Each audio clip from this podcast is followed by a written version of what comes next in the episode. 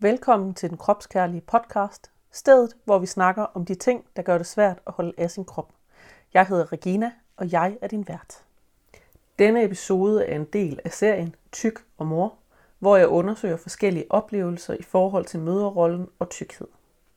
Øh, I dag har jeg øh, Christine Lyngsø med i øh, podcasten, og øh, du kan selv fortælle lidt om, hvem du er. Det kan jeg i hvert fald. Ja, som sagt, jeg hedder Christine. Øh, jeg er øh, vægtneutral behandler og certificeret vejleder intuitiv spisning. Øh, og så er jeg også lige nu øh, gravid og skal have mit første barn her om fire uger. Øhm, og det, øh, det, vi skal snakke om i dag, er fertilitetsbehandling, fordi hun kom ikke lige af sig selv. Så vi har været igennem et langt forløb op til det. Øhm, ja. Ja. Så det er vel sådan meget kort præsenteret, ja. hvem jeg er. Ja, ja. og øh, en del af det med fertilitetsbehandling, det er jo det her med, øh, at øh, hvad oplever man så, når at man kommer øh, har behov for fertilitetsbehandling og har en krop, der ikke nødvendigvis lever op til de konventionelle normer. Præcis. Ja. ja. Altså man kan sige, da vi startede vores forløb, vi har et langt forløb bag, bag os, som, som øh, mange jo har. Altså da vi startede for fem år siden, og der var jeg ikke ude af det her sådan slankekurs helvede på det tidspunkt. Jeg var stadig sådan meget fastlåst i slankementaliteten, og var også i en tyndere krop på det tidspunkt. Øhm, så på det tidspunkt var det sådan set ikke et, et kæmpe problem for mig at få adgang, fordi jeg stadig var normativ i min krop. Jeg kunne godt gå ind under den her BMI-grænse, som der jo desværre ligger i behandlingstilbuddet. Men øh, det var ikke, altså, jeg har ikke en krop, der naturligt vil være så tynd. Altså den var presset ned i den størrelse, fordi jeg havde været på kur i, i, i længere periode og blev ved med at fastholde restriktiv spisning og overtræning og alle de her sådan rigtig usunde, uhensigtsmæssige mønstre. Som jo i øvrigt også kan gøre, at det er svært at blive gravid, fordi kroppen I er stresset. Præcis. Øhm, så, så man kan sige, at min krop ville egentlig gerne være større, og det er den så også blevet efterhånden, som forløbet jo gik, ikke også? Men, øhm, men heldigvis så havde vi da adgang til at starte med. Øhm, så det var, det var så vores held, kan man sige. Men det ved jeg jo, at det er det ikke for alle. Øhm, så øh, ja, jeg trækker lige vejret. Det er lidt svært at trække vejret, når man har en baby i maven, der fylder ens lunger. Der er ikke så meget lungekapacitet. Klemmer på mellemgulvet. Ja, det er nemlig det. så, øhm, ej, men jeg kan huske noget af det første, vi sådan oplevede, da vi var deroppe. Uh Øh, når man tilmelder sig sådan noget fertilitetsbehandling, så, så skal man jo øh, til sådan et intromøde. Det skulle man i hvert fald dengang. Og der sad man måske 50 par i det her rum, hvor man sådan blev præsenteret for et slideshow øh, af, af nogle af de der læger, som var på klinikken på det tidspunkt. Øh, sådan er det nok ikke nu, for nu er det corona, men altså, det var det dengang. Og der kan jeg huske, at altså, man sidder og kigger sådan lidt, hvem er de andre? Er der nogen af dem her? For det første, er der nogen, man kender? Jeg synes ikke, det var fedt, at hvis der var nogen, jeg kendte på det tidspunkt, for det var ikke, det er ikke fedt at skulle sådan indrømme over for sig selv og sin partner, vi kan ikke få børn naturligt. Øhm, der var også sådan et vist nederlag i det, men altså sådan var det ligesom bare. Nu var vi jo der, der hvor vi var, ikke? Øhm, men også kigge rundt og sådan kigge på, hvad er det for nogle mennesker, der sidder i det her rum. Altså det var meget forskellige mennesker, både tykke mennesker, tynde mennesker, unge mennesker og lidt ældre par. Altså, øhm, at hun så kommer til det her slide med, med BMI. Øhm, de havde sådan en, jeg kan ikke huske, om det var 35. Hvis de var, dit BMI var over 35, så kunne du ikke være med i behandlingsforløbet. Altså, så skulle du gå hjem og tabe dig først, og så kunne du så komme igen bagefter. Og på det tidspunkt, der var jeg meget, meget bevidst om, hvad mit BMI var, fordi jeg blev målt og vejet og talt, og alt blev talt på det tidspunkt. Så jeg var meget bevidst om, hvor mit BMI lå henne på det tidspunkt. Og den lå sådan lige, ja, det ved jeg ikke, lige lidt over 30 måske. Så, så jeg var sådan lidt, uh, shit, hvad nu hvis at jeg lige pludselig tager på? Altså, det forstærkede rigtig, rigtig meget den der tyk forbi, min indre tyk forbi. Altså det der med, fuck, jeg er med nødt til at og ikke at tage på lige nu, fordi hvad nu hvis jeg ikke kan komme med? Hvad nu hvis jeg lige pludselig tager 3 kilo på, og så ryger min BMI uden for grænsen, så kan vi ikke være med alligevel. Altså det var, det var virkelig ikke øh, en rar følelse. Og, og, og så se på dem rundt i rummet, hvor jeg tænkte, hun er større end mig, hun er større end mig, hun er større end mig, hun kan ikke være med, hun kan ikke være med, hun kan ikke være med. Altså, det var sgu ikke rart. Øhm, og det tænker jeg også, at der er nogen, der har siddet og tænkt for sig selv, nå, så kan jeg ikke få børn alligevel. før jeg har gået hjem og tabt mig. Øhm, og det, der er så problematisk, det er jo også bare, at man ved, at slankekur virker ikke på længere sigt, og det skader mere, end det gavner. Det stresser kroppen enormt meget, og stresser måske bare heller ikke super smart, når man gerne vil have et barn. Altså. Så det, øh, det er virkelig ikke en særlig god taktik. Men også tænker jeg, hvis man så er i den her øh, proces øh, med at komme sig efter det stress, det er at, være, øh, at, at have været på slankekur og vægttab i lang tid. Mm. Og at man så kommer ind i det her system, hvor at man ender med at, øh, at blive stresset af at være ved at få det bedre, fordi ja. at ens krop er i en proces, hvor at man tager på, og at man så tænker, men hvis jeg tager mere på, hvis jeg får det bedre, end jeg har nu, så kan jeg ikke få hjælp til at få en baby. Præcis. Altså man kommer til at fastholde folk i noget forstyrret spisning, selvom de faktisk måske er på vej ud i noget recovery. Altså, ja. ja det er jo mega problematisk. Øhm, det var i hvert fald det, der skete for mig. der tog lige nogle år, før at jeg kunne komme ud af det der forstyrret spisning.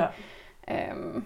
Og det er også noget af det, der gør, at der er rigtig mange tykke mennesker, som føler sig klemt, når vi snakker omkring øh, det her med øh, tykfobi og tykaktivisme, og gerne vil have et barn fordi at man lige pludselig står i et system, hvor man måske er ved at, at få det godt, og man begynder at få øjnene op for det her med, øh, at tykke mennesker bliver undertrykt og bliver ikke behandlet ordentligt.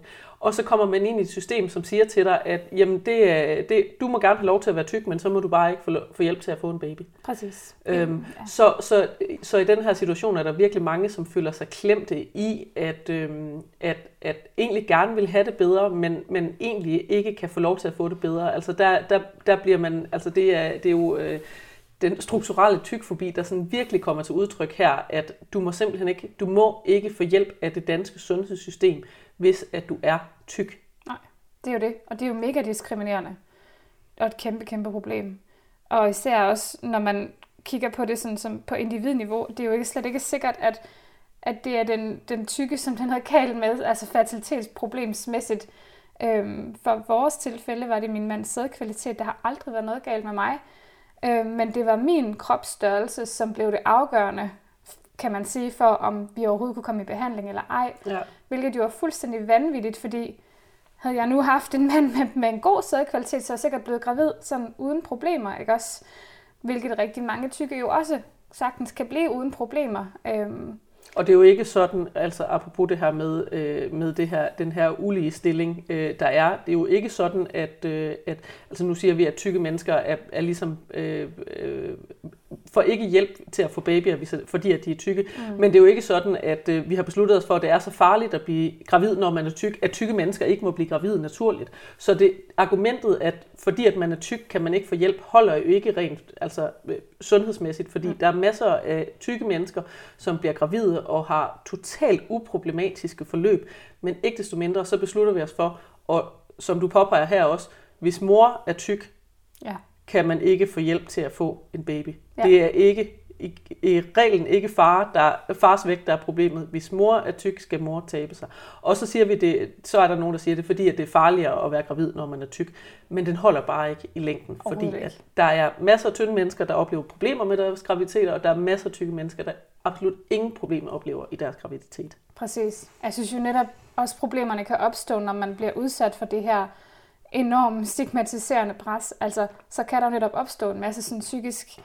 Øhm, man kan nemt komme til at gå og bekymre sig enormt meget om, går det nu godt? Og ej, hun siger også, at, øh, at jeg føler, at jeg er usund, fordi jeg er tyk, og kommer det til at skade mit barn, og kommer til at få en svær graviditet, fordi jeg er tyk. Og, altså, man kan få en masse unødvendige bekymringer, som i bund og grund slet ikke behøver at være der.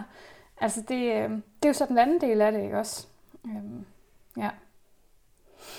Man ser det tit det her med, øhm, at, altså, at man siger, at det er moren, der skyld i alting, uanset hvad det handler om ved sit barn. At, at det er sådan, jamen, hvis, at, øh, hvis at barnet bliver tykt, så er det fordi, at moren øh, sultede i en periode af graviditeten, eller hvis barnet bliver tyndt, øh, meget tyndt, så er det fordi, at moren øh, øh, øh, øh, også sultede i en anden del af graviditeten. Og, og så er der den her med, altså, at der er sådan en hel masse ting, at men så er det fordi, at mor har været udsat for et eller andet, så, så får, øh, får barnet en eller anden øh, forstyrrelse eller lidelse senere i sit liv. At der er sådan en generel ting i vores samfund også, hvor at det er kvinderne, der får skylden for børnene. Hvis man ser på det historisk, så er der også noget i forhold til det her med, at kvinder skulle kunne levere en arving til mm. manden, at hvis man ligesom ikke kunne levere et drengebarn, så var man ikke en øh, rigtig nok og god nok kvinde. Og det kommer ligesom med op i hele fertilitetssystemet stadigvæk, mm. det her med, at men det er mor, der er problemet, hvis vi ikke kan blive gravide. Det er mors krop, der skal laves om på. Ja. Og det er mor, der skal undersøges helt. Altså der er jo tit, hvor selvom det er sværere at undersøge øh, kvinders øh, potentielle infertilitet, er det jo tit kvinden, vi sætter fokus på først, i stedet for, at vi bare undersøger mandens sædkvalitet. Ja. Det er rigtigt. At det er mor, der skal undersøges, for det må være mor, der er problemet her. Ja. Så ikke nok med, at man møder et system som tyk og bliver gjort forkert, fordi man er tyk, så får man sat et, altså får man et endnu større ansvar som kvinde for, at man ikke kan blive gravid, fordi det er kvindens ansvar at kunne reproducere sig. Mm. Det er forventningen, at mænd altid kan reproducere sig. Ja. Og sådan er det jo så heldigvis ikke helt. Altså, der er rigtig, rigtig mange mænd med sædproblemer efterhånden. Altså desværre, der er en hel generation, som har svært ved at, at lave børn, og det er, sgu, det er altså mændenes skyld for mange af dem i hvert fald, ikke? Eller for nogle af dem. Jeg har ikke talt på det. Jeg ved bare, at der er mange mænd, der ja. har problemer med sædkvaliteten. Øhm, jeg har så... Hvis vi så på det sådan, altså rent, ja. det, det, altså det, det aspekt, hvor at vi for eksempel gerne vil gøre det mest smertefrit for hele parret, og især mm. mor, som jo skal være gravid i ni måneder, hvis at man nu bare startede med at sige, okay, men I er ikke blevet gravide i denne her periode, vi undersøger sædkvalitet. Vi behøver mm. ikke engang at snakke om mors krop. Vi undersøger sædkvalitet, ja. og hvis at det så er, at det ikke er den der problem, så kan vi kigge på noget mere. Men tit så vender man den bare rundt og tager den allermest besværlige, og ja. stressende, og stigmatiserende ja. indgang til det. Du er ikke en rigtig kvinde, for vi forventer, at det er dig, der ikke kan blive gravid. Ja, det er rigtigt. Og, og også hele det her, altså jeg havde jo rigtig svært med det der med, det er mig, det går ud over. Altså, det var den der følelse af, at det er min krop, der skal igennem alt det her. Det er pisse nemt at være mand eller partner i det her forløb. Det er det ikke, det ved jeg godt. Men sådan kropsligt var det mega nemt, fordi det er ikke ham, der skal ligge og, og lægge krop til alle de her behandlinger og hormoner og alt det her. Så i forvejen var der bare rigtig, rigtig meget, jeg skulle, og jeg skulle forholde mig til. Øhm, så også ovner at få lagt den her sådan, ja, byrde på, at jamen, når man, det er i forvejen dig, der skal trække det tunge læs, og nu skal du så også lige lave din krop om, fordi at du skal helst passe ind i den her lille kasse, ikke? Altså, puh, ja, det er ikke nemt. Og jeg ved godt, det heller ikke er nemt for mændene eller for partneren psykisk at skulle se på, at ens partner skal igennem sådan et forløb. Altså det er hårdt for begge parter, det er slet ingen tvivl om. Øhm, det var bare i hvert fald min oplevelse af, at jamen, det er mig, der skal lægge krop til det her. Der er også stor forskel på at være den, der oplever, at en, man elsker, bliver udsat for noget hårdt, og så på at være den, som måske i det meste af sit liv har haft en krop, der har været udsat for stigmatisering og diskrimination, og så komme ind i et system, hvor at det bare bliver endnu mere ja. af det samme. Ja. At, at man har været forkert hele sit liv, og så får man bare endnu mere at vide, man, at man er forkert. Ja. Så, så er man jo stadigvæk i den privilegerede position, hvis man i det mindste bare kan være den, der ser sin elskede hættehårdt. Ja. ja. Det er meget privilegeret at være den, der ja, står der. Det. Ja. Mens at ens øh, kone, kæreste, partner skal ja. øh, gennemgå ubehagelige undersøgelser og hormonbehandling og alle mulige andre ting. Det er det. Det er nemlig lige præcis det. Det, det er sgu privilegeret, det vil jeg bare sige. Åh, oh, ja. ja. Øhm.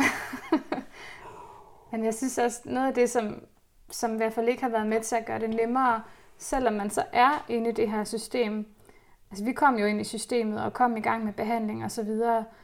Øhm, de vejer folk på klinikkerne. Man skal vejes.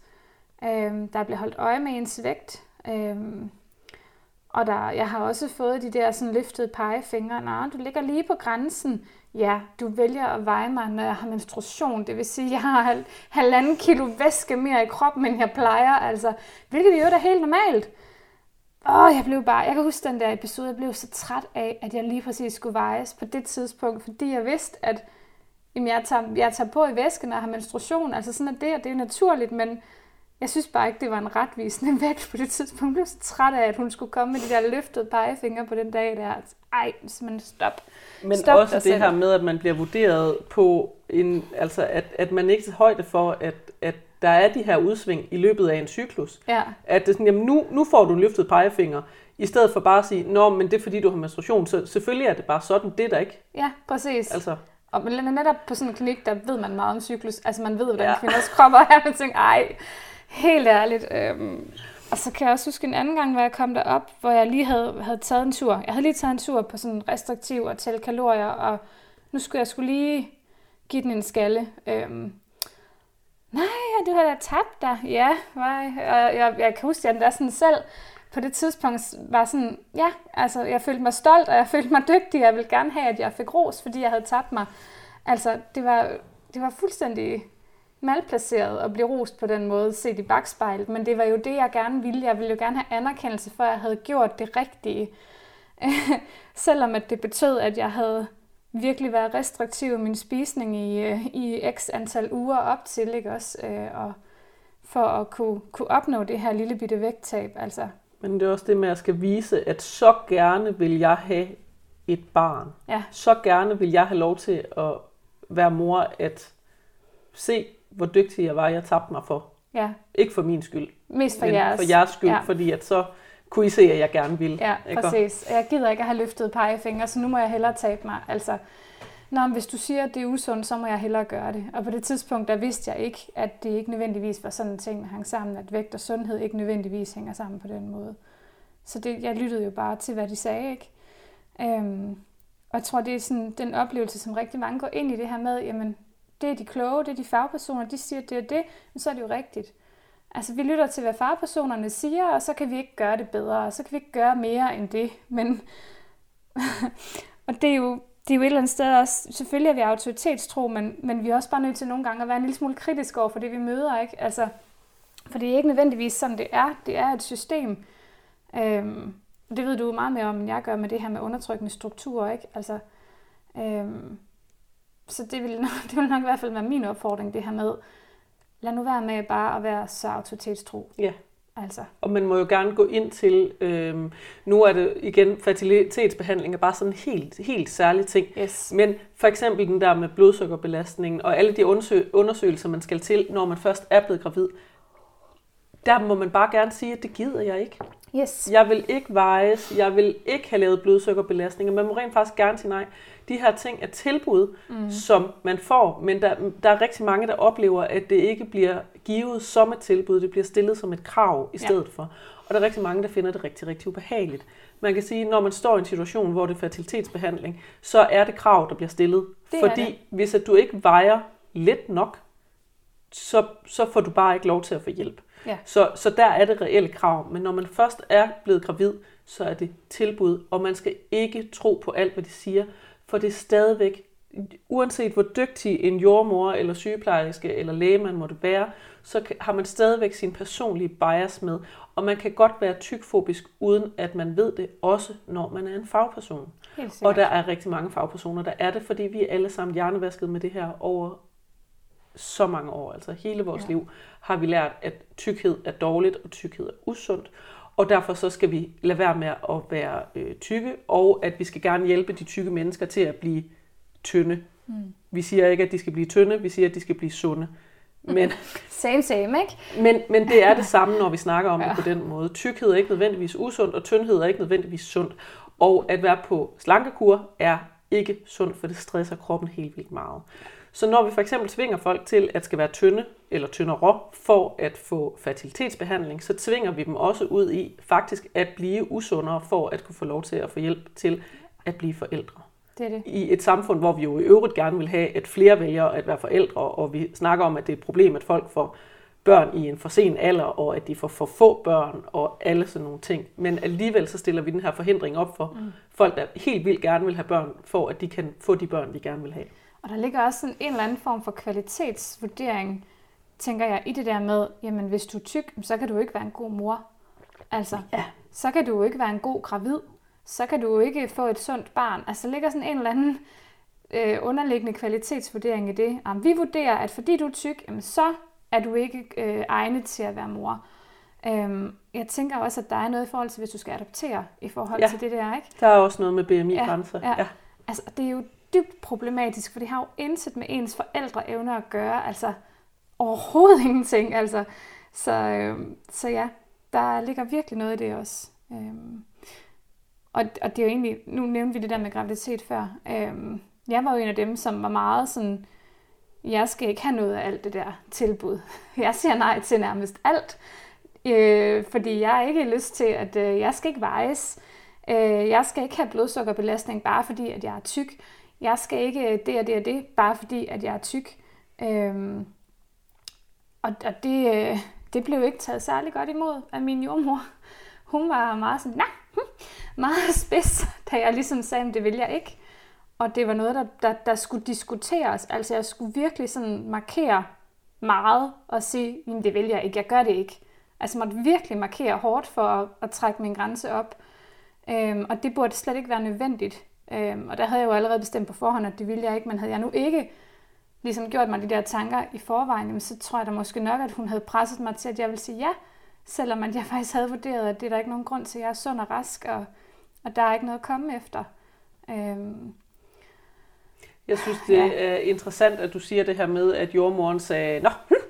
når man siger, hm, så er det jo altså fordi, at man har sine følelser med ind i det, og ja. det er ikke særlig fagligt. Det er ikke fagligt. Og hvad jordmorens følelser laver, der hvor det handler om dig ja. og din graviditet, det kan man jo undre sig over. Og det er jo igen den der med, at det uanset hvor fagligt dygtig man kan være, og hvor professionel man ellers er, så er det stadigvæk mennesker, som kommer ja. med deres egen person og med deres egne følelser. Og det er ikke alle mennesker, der er særlig gode til det her med, sådan, hvis vi ser pædagogisk, så snakker om de tre P'er, mm. professionel, personlig og privat.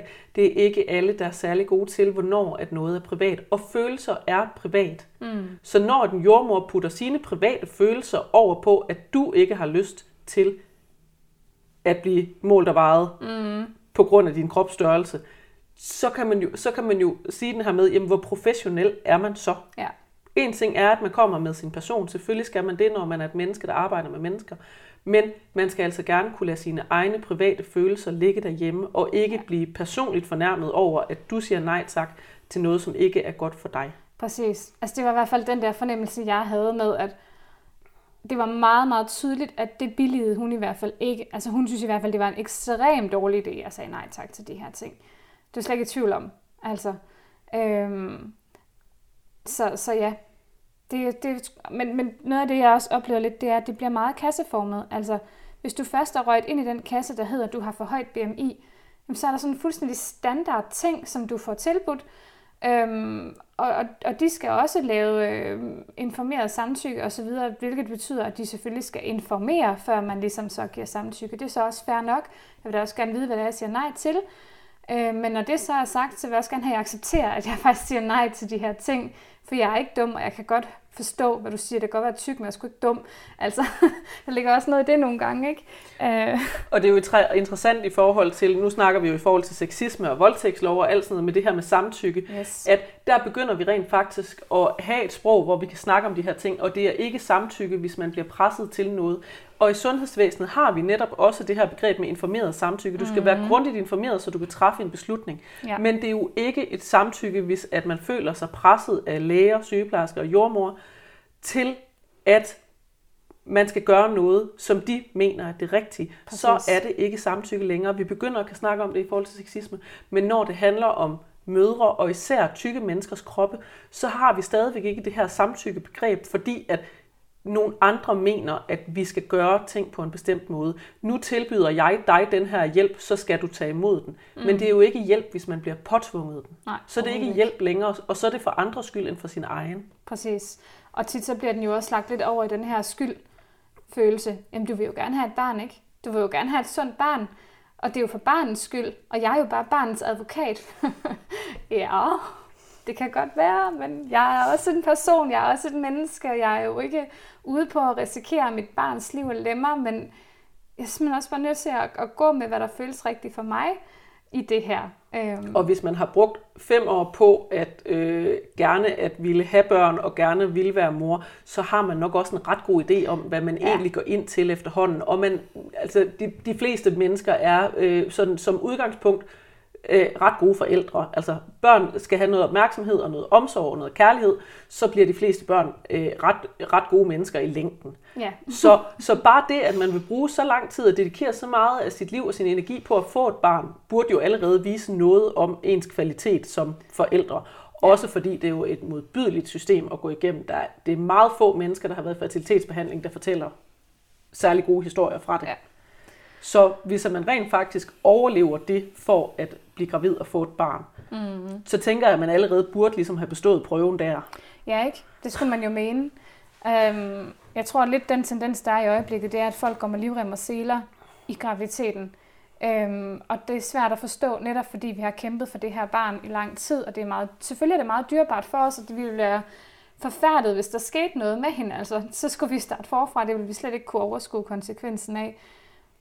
Men, men det betyder ikke, at jeg er uforsigtig, eller, eller sætter mit barn i risiko, fordi at jeg ikke går med livrem og seler. Altså fordi jeg ikke vil have den her sukkerbelastning, fordi jeg ikke vil vejes, fordi at, altså, det er lidt den her opvejning af, altså, ja, vi vil gerne være sikre på, at baby har det godt, men hvis alt andet er fint, hvorfor skal vi så sygeliggøre folk på forhånd, når de faktisk ikke fejler noget? Jeg tror, det har været sådan min største hurdle, det der med, at lad nu være med at sygeliggøre mig, når jeg ingenting fejler. Øh, alt er fint, ikke? Men også den her øh, sygeliggørelse, som du siger, altså bare det her med, at vi putter øh, gravide og fødende kvinder på sygehuset, mm. det er jo sådan lidt en sygeliggørelse af graviditet som sådan, og af, af, af kvinders øh, reproduktive øh, evner øh, eller folk med en livmors reproduktive evner. Ja. Øhm, så denne her sygeliggørelse, og man ser jo også altså ikke bare tykke kvinder, der, der føler sig bange under deres graviditet for at gøre det godt nok. Vi ser det jo også ved tynde kvinder, den her mm. frygt for at, at ikke at gøre det godt nok, at, at, at folk bliver stresset over det her. Hvor sådan, prøv, altså, før internettet, der fik folk altså også børn. Ja, og som, som ja. som blev, blev til voksne mennesker på et tidspunkt. Ja. Og før at vi alle sammen havde bøger at læse i, der fik folk altså også børn. Ja. Så, så også det her med, at vi har så meget viden, øh, og at, at vi sætter så meget fokus på det, og bare det her med, så skal man, altså, jeg, jeg, altså alt det her fødselsforberedelse og sådan noget, jeg synes, det er fantastisk. Men, men det kan også bare være med til, at vi kommer til at tro, at det er, at det, at det er et problem at føde. Mm. Ja. Var sådan lidt, men de fleste fødsler forløber jo ganske stille og roligt og uden problemer. Ja. Og som regel opdager man jo først problemet, når fødslen er i gang. Ja, og det er, er relativt akut. Ja, ja. Ja. Og det kan man ikke vide på forhånd, hvem det er. Så denne her sygeliggørelse af netop graviditet, og især øh, tykke kroppe og graviditet, er også bare noget, som påvirker alle andre, at at vi skal sætte så meget fokus på det. Vi skal, vi skal tjekke i hoved og røv hele tiden. Og jeg ved godt, at det er fordi, at man har fundet ud af, at så kan man opdage nogle ting øh, i, i bedre tid. Og sådan.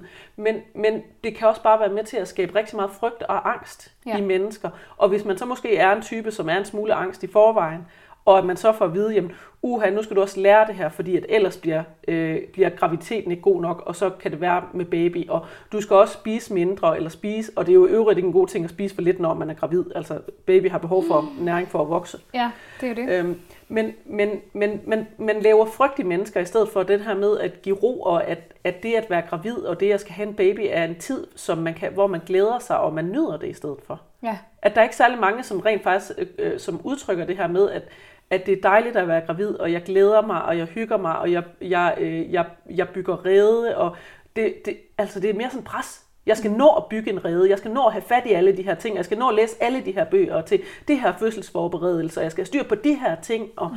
at, at ligesom med så mange andre ting i samfundet, bliver det sådan pres for, at man skal gøre det på en bestemt måde, og man skal gøre det rigtigt. Ja. Og det er hele sygehusvæsenet og sundhedssystemet også med til det pres, at så skal du have lavet den her test, og du skal have gjort det her, og du skal have gjort det her.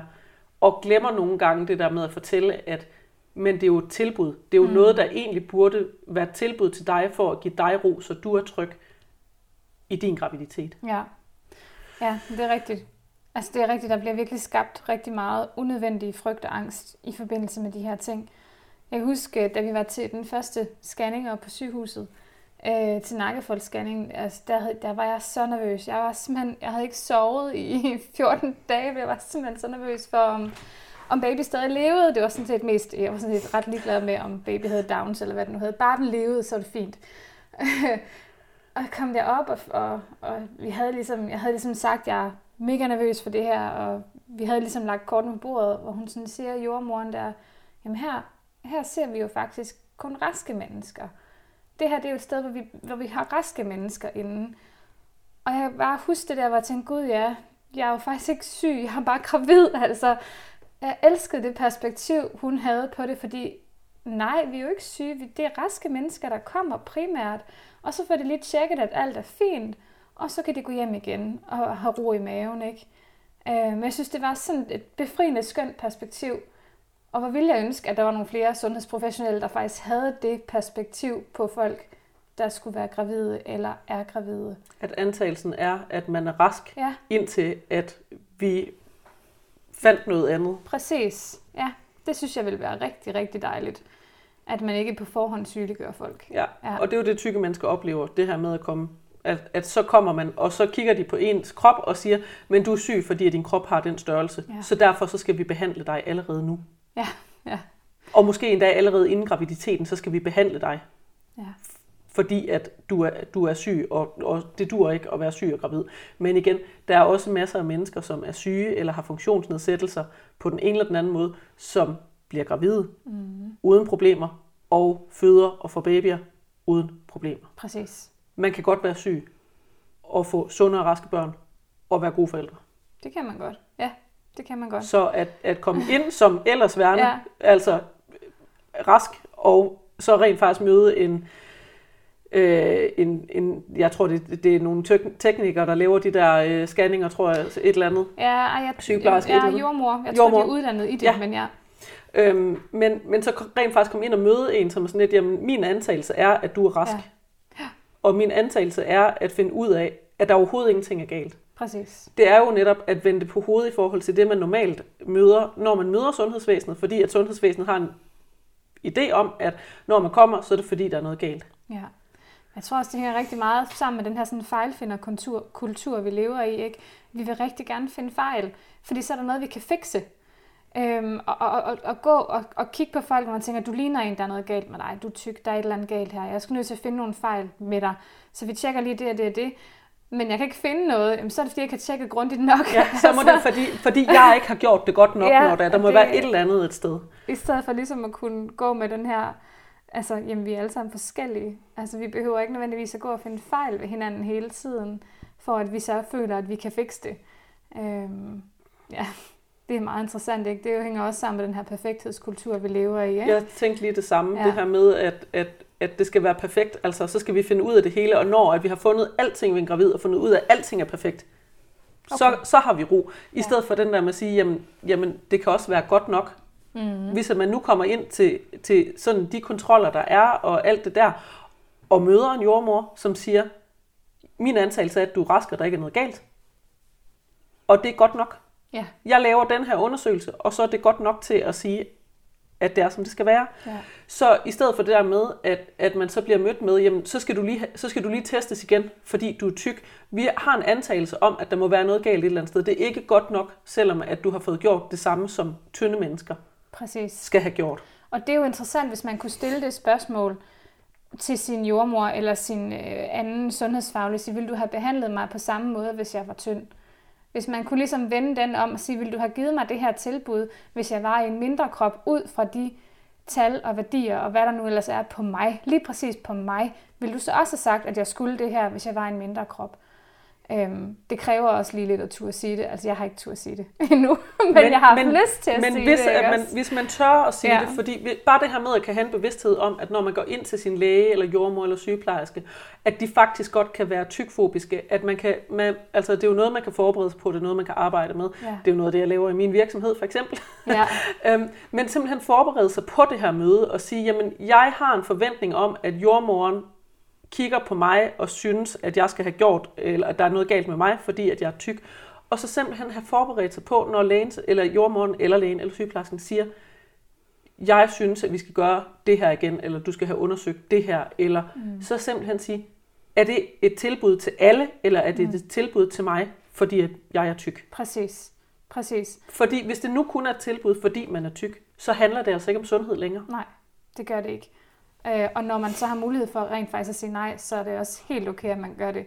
Og nogle gange så er det ikke en mulighed at sige nej. I fertilitetsbehandling er det ikke en mulighed at sige nej. Der skal man ligesom bare rette ind og følge de der retningslinjer, der nu er, og så må man få det bedste ud af det. Ikke? Men, øhm, men der, hvor der faktisk er mulighed for det, så synes jeg, det er rigtig, rigtig fornuftigt at stille spørgsmålstegn ved tingene og lave en masse hvorfor. Hvorfor det? Hvorfor det? Hvorfor det? Hvorfor er det her nødvendigt? Øhm, ja, altså det, det har i hvert fald også været rigtig vigtigt for mig, at jeg skal vide, hvorfor gør jeg det her? Hele tiden. Det er med til, at jeg ligesom også kan give mit informerede samtykke, fordi hvis jeg ikke ved, hvorfor jeg gør det, så, så bliver jeg forvirret, og så føler jeg egentlig bare, at jeg trækker noget ned over hovedet på mig. Øhm, så det tænker jeg også, at, at det er helt okay at stille spørgsmålstegn ved de der forskellige ting, som er helt naturlige og selvfølgelige for jordmoren, for det er altså ikke nødvendigvis for os andre. Øhm. Og uanset hvor tyk eller tynd en krop man måtte have, så er det stadigvæk en selv, der bestemmer over den krop. Og det yes. gælder altså også selvom, at man er gravid. Ja. Det er stadigvæk morens krop, indtil at baby er ude af kroppen. Det er det. Så, så bliver baby et selvstændigt individ, men indtil da er det altså mors krop. Jamen det er det, og jeg tænker også, at hvis valget står, hvis man kommer derhen til, hvor man nærmest sådan skal vælge liv eller død mellem mor og baby, så vælger man mor til at starte med. Øh, så, så det er helt rigtigt. Altså det der med at, at lægge skylden over på mor og sige, det er for din babys skyld, og hvis vi ikke gør det og det, ja, men, men det er stadig min krop først og fremmest. Øh, så rigtig vigtig pointe, tænker jeg. Mm. Ja. Og man må gerne som mor sige, det vil jeg ikke udsætte min krop for. Det kan ja. godt ske, at det, du synes, at jeg skal gøre det for babys skyld, men det er vigtigere for baby, når den kommer ud, at den har en mor, der har det mentalt godt ja. og har haft en god graviditet, end at mor har en øh, krop, der er blevet tjekket helt vildt meget og har været øh, helt vildt øh, bange og stresset under hele sin graviditet, fordi at man er blevet, altså ja. nærmest er blevet afkrævet de her ting, i stedet for at tilbudt dem. Præcis. Alle ting er tilbud, og man må altid sige nej til behandling, med mindre at man af en eller anden grund skulle være umyndiggjort. Men det, det er man ikke bare sådan lige. Nej, det er man ikke bare sådan lige. Så der er i hvert fald også, altså, der er også nogle helt andre ting på spil i sådan en, en sammenhæng. Ja, ikke også? Der er altså, så, så det, men, det er en helt anden snak. Det er en helt anden snak, ja. ja det er det. Men det er tilbud. Vores sundhedsvæsen er et tilbud, og man kan sige nej tak mm. til at få hjælp eller behandling. Og der er det, det er kun i den situation, hvor at man skal i fertilitetsbehandling, at de kan stille krav, man skal leve op til. Lige så snart man er gravid, så er det altså en selv, der bestemmer igen. Det er det. Og som sige, noget af det, som, som jeg i hvert fald var inde og kigge lidt på i forbindelse med fertilitetsbehandlingen her efterfølgende, øhm, der er umiddelbart, sådan vidt jeg kan se, ikke nogen offentlige steder, hvor du kan komme ind, øh, uden at der er et BMI-grænse. Men det ved jeg, der er på de private steder. Øhm, og der kan jeg jo sagtens stå som privilegeret og økonomisk sikker og sige, jamen jeg kan godt smide 30-50.000 kroner efter det her, fordi det er så vigtigt for mig at få det her barn, og det svarer cirka til en bil, udbetaling til en bil eller et eller andet. Altså, for mig ville det ikke være, være det, der vil være afgørende for, om jeg kunne få fertilitetsbehandling, men det ved jeg jo, at det er for mange, og, og, og det er jo et eller andet sted heller ikke rimeligt. Det er den her urimelighed i, at når man altså bare fordi, at, at du er tyk, så bliver du udelukket fra noget, og så skal du selv finde alle de her mange, mange penge. Øhm, det kan godt være, du kan, og det er også værd, at det er den vej, du er nødt til at gå, sådan som det er lige nu, fordi man kan ikke, desværre kan man ikke bare lige lave sundhedssystemet om. Givet man kunne knips med en finger, så forstod de, at det var urimeligt, ikke? Men, men sådan, sådan er det nok ikke helt. Øhm. Men det er også noget af det her med, at vi, vi i går lader som om, at sundhedssystemet er noget, som er for os alle sammen, og ja. hvor at der er lighed i sundheds, øh, sundhedsvæsenet, ja. uanset hvem man er. Men det er der bare ikke, fordi hvis man er tyk, så oplever man for eksempel, at man ikke kan få hjælp, fordi at man er tyk, og ja. at man selv bliver nødt til at finde penge, som man måske ikke lige har, ja. og ikke kan finde. Ja, præcis. Så der er ikke lighed i sundhedssystemet, når at nogen bliver kigget på for deres kropsstørrelse, og får sagt, at du er ikke berettiget til at få hjælp til at blive mor. Præcis. Fordi at din krop ser ud, som den gør. Ja, det er kæmpe problematisk. Virkelig. Og, og at tynde mennesker i øvrigt kan være nok så usunde, og stadigvæk godt må få hjælp. ja, ja. Det er jo lige præcis det. Altså det er jo det, der er så vanvittigt, at, at man kan nærmest komme ind og være det mest usunde menneske i verden, men hvis du er tynd, om fint, så kan vi da godt hjælpe dig. Så det gør, at vi også lige siger til dig samtidig, stop lige med at ryge til stoffer og øh, spise lidt sundere, men, øh, men det er ikke det, de sådan primært kigger på, vel? Øh, ja. Ja, jeg ved ikke engang, hvordan det er, om det er, om det er krav, at man skal stoppe med at ryge, hvis man skal have fertilitetsbehandling. Nej, jeg tror, det er en anbefaling. Det tror jeg nemlig også nok altså, kun, at det, det er, selvom at vi ved, at rygning er noget af det øh, værste, man kan udsætte sin sundhed for. Ja. Øh, og rygning jo i øvrigt er også noget, hvor man kan godt komme og sige, jamen jeg ryger ikke, og så kan man gøre det i smug. Man kan ikke skjule sin kropsstørrelse, så uanset øh, om, om man, skulle, man skulle tænke, at jeg har godt nok ikke gjort det, de har sagt, jeg snyder lige. Det kan man ikke, når man er tyk, for de kigger stadigvæk. Det er ens udseende, de kigger på og ja. vurderer. Du ser forkert ud. Ja. Med rygning og alkohol og en masse andre ting. motion og hvad man spiser og alt sådan noget. Det, det er faktorer, man ikke kan se, men det er i virkeligheden faktorer, som betyder meget, meget mere i forhold til sundhed og hvad man kan gøre ved sin sundhed, end ens kropsstørrelse. Præcis, og det er jo også det, der er i det. Selvom at jeg hverken ryger eller drikker alkohol, selvom jeg spiser varieret og sundt, sådan sundt i gåsøjne, hvad man nu skal vurdere er sundt, ikke? Øhm, og bevæger mig osv. Jeg har, jeg har guldstjerner på alle parametre, men fordi min krop er tyk, jamen, så bliver det automatisk udelukket. Altså, jeg kan jo heller ikke sådan stå og sige, se, jeg har et bevis på, at jeg har bevæget mig en time øh, tre gange i ugen det sidste stykke tid. Jeg har spist x gram grøntsager, jeg ryger ikke. Jeg, altså, man skal næsten have det på papir, før de vil erkende, okay, måske er du faktisk sund nok. Altså, og sådan er det jo ikke, desværre vel. Altså, Men også det... fordi det er også sådan ligesom det eneste parameter, man kan krydse af uden videre. Ja. Så kan man komme ind til en læge, og lægen kigger på en og siger, Nå, men du er tyk. Ja. Ryger du? Drikker du? Motionerer du? Spiser du sundt? Gør du det her? Gør du det her? Gør du det her? Det er den eneste ting, som ikke er en handling, ja. som sundhedsprofessionelle kan finde på at vurdere en på. Mm. Og det er jo lige præcis det. Vægt er jo ikke en adfærd. Vægt ikke en adfærd. Altså, det, det ville være så dejligt, hvis der var nogen, der kunne begynde at forstå det også i sundhedssystemet. At vi kan ikke bare lige ændre på vores vægt. Øhm, jeg kan virkelig, virkelig godt forstå dem, som sidder derude lige nu og tænker, okay, jeg har et BMI på over 35. Jeg er simpelthen nødt til at ændre på min vægt, fordi jeg vil så gerne have det her barn, og det er så vigtigt for mig, og jeg kan ikke skrave 50.000 frem fra kistebunden og gå i privat behandling. Jeg er nødt til at ændre på min vægt. Øhm, jeg kan virkelig godt forstå, at jeg, jeg, jeg har simpelthen så meget sympati mm-hmm. men jeg synes, det er så hårdt, at I skal igennem sådan et forløb. Og ja, det kan godt lykkes på kort sigt at tabe sig, det kan de fleste. Men bare vid, at det også har nogle omkostninger, ikke også? Altså det har nogle omkostninger rent psykisk, og det har omkostninger for din krop. Og, og det er sandsynligvis ikke noget, som du vil kunne holde på længere sigt. Men helt ærligt, hvis det er det, der skal få dig i gang med behandling, så synes jeg, det er fair nok. Ja. Altså. Det, det, gå ud og, og tab dig på den hurtigste og mest, øh, altså at få det overstået og ja. komme i behandling og forhåbentlig blive gravid hurtigt. Ja. Og så, og så give dig selv ro til at komme der igen bagefter. Fordi det, du er ikke en bedre mor af at være tynd eller at have tabt dig.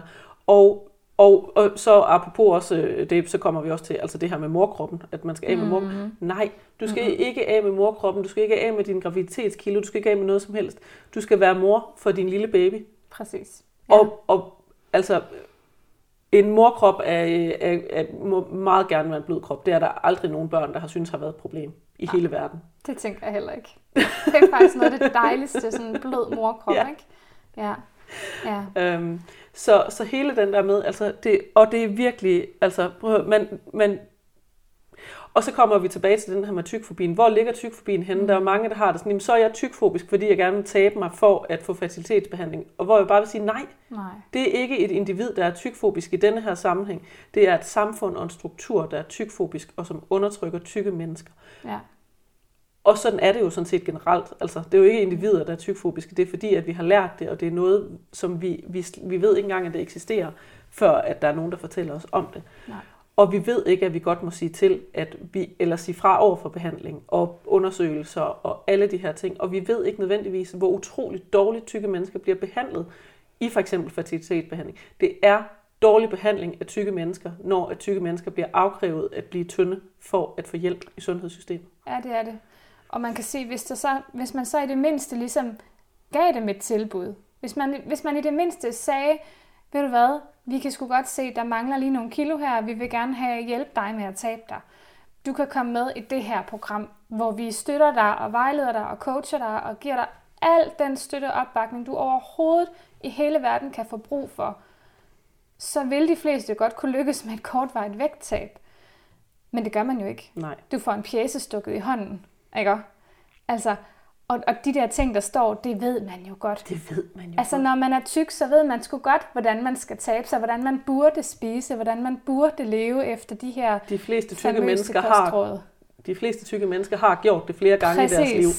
Binde og hvis at det virkede på længere sigt, så var der ikke nogen tykke mennesker længere, Nej. så havde alle de tykke mennesker tabt alle deres ekstra kilo og var blevet tynde og havde vedligeholdt deres vægt. Præcis. Altså, For der er ikke, prøv, vi behandler tykke mennesker så dårligt. Der er ikke nogen mennesker i verden, der har lyst til at være tykke. De bliver behandlet, vi bliver behandlet så dårligt. Præcis. Og det, Det er det. ikke et valg at være tyk, ligesom at det ikke er et valg at være tynd. Tynde Mm. mennesker har heller ikke selv at være, valgt at være tynde. Det er der mange tynde mennesker, der tror, at det er noget, de selv gør. Det er det ikke. det er det i hvert fald sjældent. Det er det i hvert fald sjældent. Ja. Så er det netop den der med, hvis man nu sulter sig selv og træner rigtig Ja. meget, så kan man godt være tynd i en periode. Ja. Men hvis man var tyk til at starte med, så bliver man i reglen aller, aller, aller størstedelen af gangene tyk igen. Ja. Så kan der også være sygdomme, der gør, at man er tynd. Der kan være Som- mange forskellige ting, Ja. faktorer, der spiller ind, ikke Men- også? Men det genetiske blueprint, det kan vi som regel ikke lave ret meget om på. Altså, Det er svært at lave om. Ja. på sin genetik. det er det. Altså, det er sgu også svært at lave om på, at, at mine fødder, de er størrelse 39, og jeg har blå øjne. Altså, det er sådan, jeg er skabt. Øhm, Og det er jo også så sjovt, den der med, hvis vi ser på genetik, fordi Mm. du er ikke særlig høj, jeg er virkelig høj. Det er der ikke nogen, der stiller spørgsmål til, Nej. at der er forskel på størrelser der. Men lige så snart det kommer til, om man er tyk eller tynd, bredden Mm, og dybden på kroppen, så begynder vi, at det, uha, det er også noget mærkeligt noget. ja, Det må man helst ikke. sådan lidt- Men hvordan kan jeg acceptere, at der er måske 30 cm forskel på nogle mennesker, Mhm. men, men ikke... men vi skal ikke, alle sammen gerne kunne passe samme størrelse tøj? Ja, og det er helt dybt godnat. Det er det godt nok. Ja, ja, vi er. Altså i forhold til det her med, for lige at vende tilbage til det her behandlingsforløb, øhm, jeg kunne rigtig godt ønske mig, at der kom en eller anden form for, for støtte til folk, som skal i behandling. Altså en eller anden form for psykologisk støtte, noget coaching, noget vejledning, noget supervision, en eller anden form for støtte, fordi det er i forvejen et mega hårdt forløb. Og står man så også og skal lave drastisk om på sin livsstil for at kunne passe igennem det her lille nåleøje. Og måske sulte sig selv. Præcis, altså lægge endnu mere stress på sin krop og på sin psyke, så ville det bare være rigtig, rigtig godt, hvis man kunne få noget hjælp. Altså få noget støtte til at få snakket om, hvad, hvad der er, der sker, og, og også gerne fra en knap så vægtfokuseret tilgang. Ikke? Det kunne være drømmescenariet, men, øh, men, men, men selvom at det så måske ikke... Der er en lang vej nu, det ved vi godt. Men anyway, men Vi drømmer. Eller vi drømmer, og det må vi gerne. Men, men at man bare kunne få noget hjælp og noget opbakning til det, når det faktisk bliver rigtig, rigtig svært. Fordi selvom man så går ind til det her og er virkelig determineret og virkelig har en viljestyrke, som jo, ja, det der er en viljestyrke, Nå, men at man går ind i det og virkelig tænker, okay, fint, nu går jeg bare på denne her øh, restriktive øh, slankekur, og jeg skal tabe mig, fordi jeg vil saftsus i behandling, og det skal ikke være det her, der stopper mig. Øhm, så vil man på et tidspunkt også bare møde nogle bump på vejen, og hvem er det så, man hiver fat i? Så er det sgu ikke den mor på fertilitetsklinikken, der står klar til at samle en op, når man lige pludselig står inde i en overspisning, eller øh, lige pludselig står og øh, har syltet sig selv i flere dage, eller lige pludselig er blevet bange for, øh, for kulhydrater, eller hvad der nu er, der sker inde i ens hoved, eller man overtræner, eller hvad man nu gør. Det er ikke dem, der samler en op. Altså, jeg kunne så godt tænke mig, at der var nogen, som understøttet noget mere i det her system. Og hvis man står i den situation, at man rent faktisk er så privilegeret at have råd til at få noget, øh, for eksempel terapi, undervejs i sin graviditet og sin fertilitetsbehandling, så skal man jo endelig gøre det, fordi nogle gange kan det altså virkelig være godt at have noget støtte udefra i stedet for. Også fordi mange af dem, som er, øh, er tykke og ender i det her system, har jo oplevet tyk forbi hele deres liv. Mm. Så det er jo ikke sådan, at man kan snakke med sin mor nødvendigvis om det, fordi ens mor har højst sandsynligt oplevet noget af det samme, eller også har ens mor måske endda været en del af Ja. at lære en at gå på slankekur, og lære en, at ens krop er forkert, og alle de her ting. Så man kan ikke nødvendigvis snakke med sin mor om, hvordan hun oplevede sin graviditet, fordi det kan være, at det var lige så forfærdeligt som hende, og hun, held, og, og hun bare tænker, men det er normalt, og det er sådan, det er. Ja. Det behøver ikke at være sådan, og man kan altså godt få hjælp til at, at øh, se det her i et større perspektiv, og til at, øh, at, at finde ud af, at det, det ikke er noget, der ligger inde i en selv, det er noget, der ligger i et system, som ikke kan lide tykke mennesker. Præcis. Altså det er jo den her nedarvede tykfobi, ikke? Altså, jeg tænker ikke, at øh, da vi startede forløb, der var der ikke nogen i min omgangskreds, som ville have løftet et øjenbryn, hvis jeg havde sagt, øh, jeg skal lige tabe mig 5 kilo, før vi kan starte. Så ville de bare være sådan, fedt, vi hæpper på dig. Ja. Så de siddet og klappet i deres hænder. Der var ikke nogen, der ville have løftet et øjenbryn og sagt, ved du hvad, tror du overhovedet, det er sundt? Øhm, det, det var der ingen, der ville have gjort, fordi jamen, hvis din krop er tyk, jamen, så selvfølgelig skal du tabe dig så. Altså, jeg fik den på et tidspunkt, da jeg var rigtig, rigtig tynd, hvor jeg også var sådan... Altså, det var der, hvor jeg var sådan allerlængst nede i vægt på min, sådan min vægttabskurve og, og var altså allermest forstyrret, der var der en, der sagde til mig, ah, nu skal du nok ikke blive tyndere. Og jeg var fuldstændig ligeglad, for jeg havde ikke nået mit mål med det der fantastiske tal for vægten. Jeg har også været der. Ah, men det er den eneste gang, der er nogen, der har sagt til mig, ah, du skal måske ikke tabe dig mere nu. Aldrig nogensinde, når man er i en større krop, er der nogen, der siger til dig, at det er måske ikke super sundt for dig. Mm. De vil stå og hæppe, og de vil stå og klappe, og de vil give dig opbakning, for det er det, man gør i det her samfund, ikke? Øh, Og jeg tænker også, Ja. som en tyk person har man også mange gange i sit liv oplevet, øh, altså tynde, altså i gåseøjne almindelige veninder, mm, som har sagt, at de skulle lige tabe 2-5 kilo, fordi Ja. så kunne de passe den der kjole, og hvor andre har sagt, nej, det behøver du ikke, du er flot, som du er.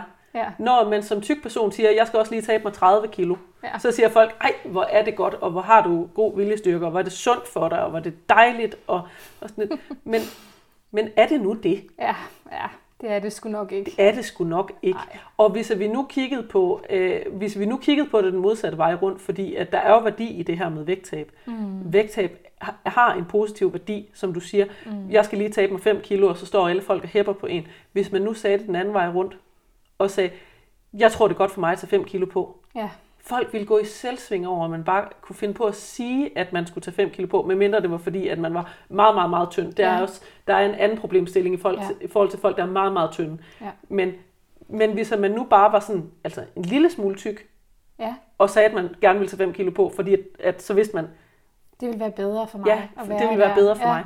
Folk vil gå helt i selvsving over, Ja. man overhovedet kunne finde på at skulle tage Ja. på. Ja, tænk, at du vil sige det højt. Ja. Nej, det vil aldrig. Der vil ikke stå nogen og hæppe. Og det er jo også det, der er hele den der omvendte problematik i, når man... En ting er, at der er folk, der står og hæpper og synes, du er skide dygtig, når du taber dig. Men når du så kommer efterfølgende og har taget på igen, så kommer den. Så er der ikke nogen, der hæpper. Så er der ikke nogen, der står og samler dig op I bagefter. bedste fald er der larmende tavshed. Ja, præcis. Eller en løftet pegefinger, eller hvad gik der galt? Ja. Hvorfor formåede du ikke at holde dit vægttab? Ja. Øh, ja, det er fordi, det er ikke muligt på længere ja. sigt for langt de fleste. Det er ikke noget med mig at gøre, men det ved folk ikke, og man kan jo sagtens selv gå med en masse forklaringer på, hvorfor det ikke lykkedes mig at holde mit vægttab. Der kan man sagtens selv opfinde en masse historier inde i sit eget hoved og overbevisninger i det, ikke? Og når det så samtidig bliver forstærket af et sundhedssystem, puha, altså så kan man da virkelig føle skyld og, og skam. også af, af, at der er en rigtig, rigtig stor industri, som handler om vægttab og slankekur og alle mulige eufemismer, vi nu kan kalde det. Det har, øh, har mange navne. Øhm, men der er rigtig, rigtig mange mennesker, der tjener rigtig, rigtig, rigtig mange penge på, at man går på slankekur og Ja. forsøger at tabe sig igen og igen og igen. Og de tjener altså penge på, at det ikke virker, fordi ellers så vil deres virksomheder ikke eksistere. Præcis. Det er så vanvittigt. Man kalder det ikke slankekur mere, for det ved man godt ikke er populært, men det er det samme. Ja. Nu kan, nu kan det hedde livsstilsomlægninger, eller vægttabsrejse, eller Ja, ja, vægttabsforsøg, eller det hedder ikke vægttabsforsøg, for det lyder som om, at man ikke lykkes med det, når det er. Ja. Øhm, det, der er nogen, der er begyndt at kalde det intuitiv spisning, selvom at intuitiv spisning ingenting har at gøre med at have restriktioner. Øhm, der er, så mange navne for det, og det værste ved den her industri er jo, at øh, de er så gode til at kapitalisere på alt. Mm. Så lige så snart, at vi får en, øh, et negativt forhold til for eksempel ordet slankekur, så finder vi bare på et andet navn i stedet for. Så Præcis. kalder vi det noget andet. Så kalder vi det sens, eller vi kalder det intuitiv spisning, og, og, og så bliver det bare noget andet end, ja. end sundhed, det handler Ja. om. Det er det. Og netop fordi, nu arbejder jeg jo med intuitiv spisning, så det er jo netop alt andet end en slankekur. Ja, så netop, det er nok også derfor, det bliver rigtig provokerende, når det bliver brugt på den forkerte måde. Ja. Ikke? Øhm, men ja, altså jeg så Nupo. Var det Nupo, der havde slået sig op med et eller andet sundhedsvarting? Undskyld, er vi ikke enige om, at da min mor brugte Nupo for 20 år siden, der var det sgu måltidserstatning og slankekur, det handlede om. Ja. Nu kalder I det sådan noget andet om det samme produkt. Øhm, hmm, meget interessant, ja. ikke? Så nu kan de ikke bare henvende sig til tykke mennesker, nu kan de også henvende sig til tynde mennesker, Ja. ja. der gerne vil være sunde. Ja. Selvom at det er, Det er slanke slankeprodukt. produkter. Ja. Og det har det været siden det kom i starten af 80'erne. 100. Det er meget interessant. Ja. Ja. Og når det så er sagt, så er der jo andre, der gør ligesom nu på. Altså, der Ja, er ja. Bodylab jo ikke meget bedre. De sælger cirka de samme produkter. Der, der, er, det bare, der er det netop bare sådan en sundheds- og træningsting i stedet Ja. ja. for. Og det er jo bare den, som nu på prøver på at komme med på også. Ja, jamen præcis. Så, Man gør jo, hvad man kan for at genopfinde sig selv i sin Ja, branche. Ikke og, og, og finde hen til der, hvor at det ligesom er, at, at det ligger. Og der er rigtig mange, som blander øh, fitness øh, ting sammen med vægttab. At der er det kan godt ske, at der findes nogle mennesker, der synes, det er sjovt at gå i fitnesscenter, men de fleste mennesker, de synes ikke, at det er sjovt at gå i fitnesscenter, når de først opgiver det der med at tabe sig. Nej, altså nu er jeg så en af dem, der synes, det er rigtig sjovt at gå i fitnesscenter. jeg er en af tosserne. jeg indrømmer det gerne. Det var ikke der, det startede. Det startede ikke, fordi jeg synes, det var sjovt, men, øh, men det er det blevet heldigvis. Ja. Også uden, at det har fokus på vægttab, ja. ikke også? Øhm, og det kan jo også findes, men, men ja, der er virkelig mange, som går mange. Ja. altså tvangsgår i fitnesscenter. Ja. Og vi ser det jo, nu har vi så ikke set det i år på grund af corona, men vi ja. ser det jo hver eneste år i januar. De første tre uger i januar er fuldstændig proppet ja. Jamen, det gør vi. i fitnesscenterne. Det er vanvittigt. Ja. Øh, og fitnesscentrene tjener jo styrt med penge på det, fordi folk de melder sig ind i bedste mening, og så ender de med at betale for at være medlem i et halvt år, eller et år, eller hvor lang tid det nu skal være, uden at de øh, bruger fitnesscenteret til noget som helst. Ja. Fitnesscentre er også en del af en vægttabsindustri, absolut. som absolut kapitaliserer på, at vi alle sammen har en idé om, at vi skal være tynde for at være sunde, og at øh, vi gerne skal tabe os, ja. øh, hvis at vi har en tyk krop. Præcis. Ja. Og at koble det sammen med, hvor sund man er, og hvor fertil man er, er jo bare, det er jo helt vanvittigt. Fuldstændig Altså netop når kroppen er stresset, så, så er det rigtig svært at blive gravid. Altså det er, ja. Ja, Tænk, bliver... hvis man kunne kigge lidt mere på det også, ja. ikke? Hvis man nu, når man kom og ikke kunne blive gravid, at man så startede med at øh, øh, reducere stress. Ja. I stedet for at sige til, kigge på folk og sige, du er tyk, så nu stresser vi dig lige ja, endnu, endnu mere. mere. Du er i forvejen stresset over, at du ikke kan blive gravid. Nu stresser vi også din krop ved at sige, at, øh, at du skal tabe dig, og at vi, altså kroppen kan jo ikke kan forskel på, om det er hungersnød, eller om det er frivilligt, at vi sulter os. Nej. Øhm, så det er en stressfaktor, at man udsætter sin krop for frivillig eller ufrivillig hungersnød. Præcis. Ja. Altså for os, grunden til, at for os, at det tog fem år at blive gravid, det behøver det ikke at tage. Hvis du sidder derude og tænker, okay, fem år, jeg kan ikke, jeg kan ikke være på slankekur i fem år, det behøver man heller ikke. Vi havde brug for at tage nogle pauser undervejs, fordi der skete nogle ting i vores liv, og det har, det har man nogle gange bare brug for, fordi det er ikke alle, der kan være i det her forløb non-stop hele tiden. Og det er der også mange, der fortæller om, at de har ja. taget pauser undervejs, og det det er det. Det er nødvendigt at tage, og det er en rigtig god idé at tage, hvis man har behov for det. Præcis. Så, så, så lad være med at tænke, at du skal bruge fem år på at, at gå på slankekur, for at du kan komme ind og få et barn ud af det. Det er ikke nødvendigvis sådan, det er. Øhm, netop også fordi det kan være enormt stressende. Og når der er så mange andre faktorer i vores samfund, der stresser os i forvejen, så er det ikke altid, vi har brug for ret meget mere, for at, at, at det ligesom vælter læsset vel. Og det vil bare være smadret ærgerligt, hvis det lige præcis er det her fertilitetsbehandling, der gør, at den sidste stressfaktor kommer op, og læsset det vælter så. Altså så, så kig lidt på, kan jeg reducere min stress på nogen måde, inden jeg går i gang med det her? Kan jeg kigge på mit arbejdsliv? Kan jeg kigge på mit familieliv? Kan jeg... Altså, hvad har jeg brug for at arbejde med øh, inden, sådan, så jeg står rimelig stærkt, når jeg skal i gang med det her? Fordi jeg ved, at det bliver, det bliver hårdt, og det bliver krævende, og jeg kommer til at møde nogle strukturer som, og nogle fagpersoner, som, som måske ikke ser alt i mig, og som ikke ser mig nødvendigvis som det menneske, jeg er, men som kun ser en, en krop eller en kasse eller et tal på vægten. Altså, ja. Det må vist være opfordringen herfra. Ja, jeg tror, det passer også øh, rigtig fint med tiden, at det blev de sidste ord. Så øh, siger jeg mange tak for, at, øh, at du vil være med, og du vil fortælle om dine oplevelser. Tak fordi jeg måtte. Det er jeg rigtig glad for. Ja, også mig. Ja. Du lyttede til den kropskærlige podcast, stedet hvor vi snakker om de ting, der gør det svært at holde af sin krop. Jeg hedder Regina, og jeg er din vært. Tak fordi du lyttede med. Hvis du vil vide mere, kan du gå ind på t-regs.dk.